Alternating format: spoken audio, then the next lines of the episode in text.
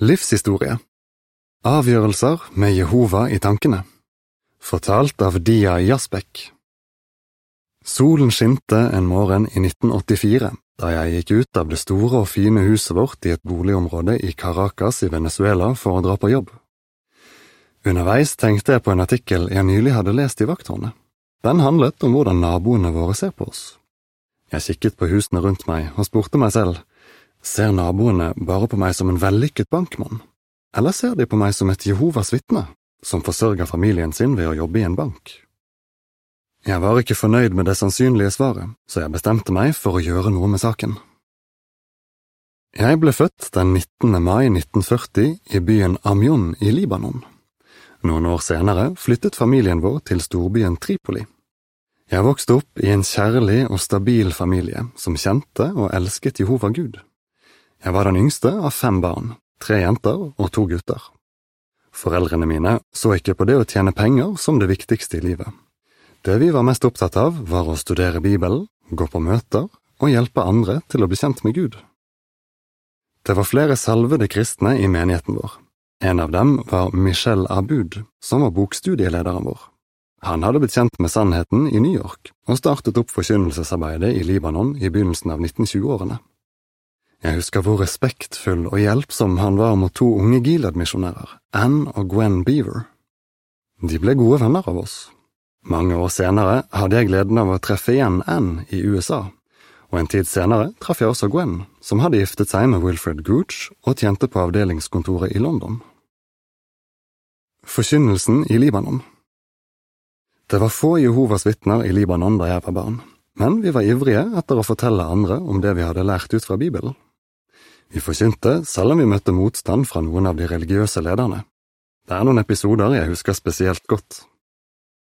En gang var min søster Sana og jeg på feltet i en boligblokk. Det dukket opp en prest i den etasjen der vi snakket med beboerne. Noen må ha tilkalt ham. Presten begynte å si stygge ting til søsteren min. Han ble voldelig og dyttet henne ned trappen så hun skadet seg. Noen ringte til politiet, som kom med en gang. De var vennlige mot oss og sørget for at Sana fikk den hjelpen hun trengte. De tok med seg presten til politistasjonen, der de oppdaget at han hadde en pistol på seg. Politisjefen spurte ham, Hva er du egentlig, en religiøs leder eller en gjengleder? En annen episode jeg husker veldig godt, er da menigheten vår hadde leid en buss for å dra og forkynne i en by som lå et godt stykke unna.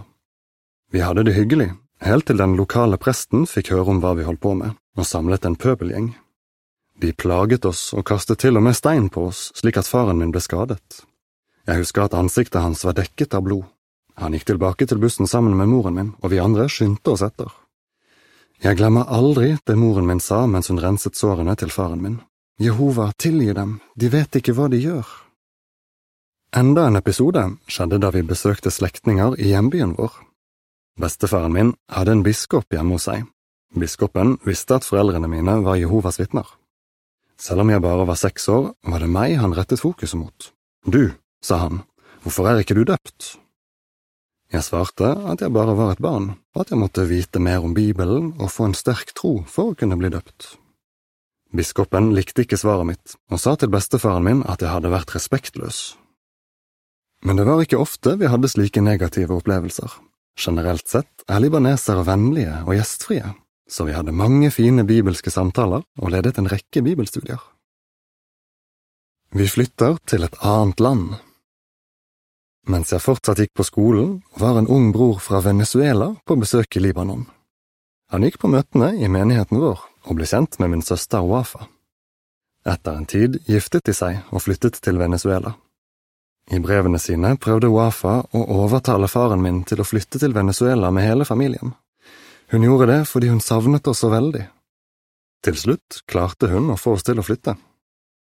Vi kom til Venezuela i 1953 og bosatte oss i Caracas, i nærheten av presidentpalasset. Siden jeg bare var en ung gutt, syntes jeg det var spennende å se at presidenten av og til kjørte forbi i en flott bil med egen sjåfør. Men det var ikke lett for foreldrene mine å tilpasse seg alt det nye, landet, språket, kulturen, maten og klimaet. De hadde akkurat begynt å venne seg til sitt nye liv da det skjedde noe forferdelig. Familien rammes av en tragedie. Faren min begynte å føle seg dårlig. Det var veldig uvanlig, for han hadde vært så sterk og frisk. Vi kunne ikke huske at han noen gang hadde vært syk. Det viste seg at han hadde kreft i bukspyttkjertelen, og han ble operert. Men en uke senere døde han. Det er vanskelig å beskrive hvor grusomt dette var for oss. Jeg var bare 13 år. Vi var helt i sjokk og følte at vår verden hadde rast sammen. Det tok tid før moren min klarte å akseptere at mannen hennes var borte, men vi skjønte etter hvert at livet måtte gå videre, og med Jehovas hjelp gikk det gradvis bedre.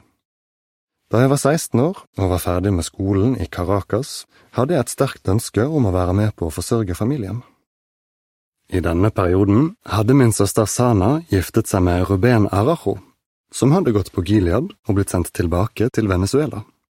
De bestemte seg for å flytte til New York, Familien min kom fram til at jeg skulle ta en universitetsutdannelse, så jeg flyttet til New York, for der kunne jeg bo hos søsteren og svogeren min mens jeg studerte. Den positive påvirkningen deres hadde mye å si for min åndelige utvikling. Dessuten var det mange modne brødre i menigheten vår, den spanske menigheten i Brooklyn. To av dem som jeg var glad for å bli kjent med, var Milton Henshell og Frederick France. De tjente begge på Betel i Brooklyn. På slutten av det første året på universitetet i New York begynte jeg å tvile på om jeg hadde valgt riktig vei i livet. Jeg hadde lest og tenkt alvorlig over artikler i Vakttårnet som handlet om å sette seg mål i tjenesten for Jehova. Jeg så hvor lykkelige pionerene og betelittene i menigheten vår var, og jeg hadde lyst til å bli som dem. Men jeg var ikke døpt ennå. Jeg skjønte snart at jeg måtte innvie livet mitt til Jehova. Jeg gjorde det, og ble etterpå døpt 30. mars 1957. Viktige avgjørelser Etter at jeg hadde blitt døpt, begynte jeg å tenke på å begynne i heltidstjenesten. Jeg fikk mer og mer lyst til å bli pioner, men jeg forsto at det kunne bli vanskelig. Hvordan kunne jeg være pioner samtidig som jeg gikk på universitetet? Det ble mange brev fram og tilbake mellom New York og Venezuela da jeg prøvde å forklare for moren min og søsknene mine at jeg hadde bestemt meg for å slutte på universitetet og flytte tilbake til Venezuela for å bli pioner.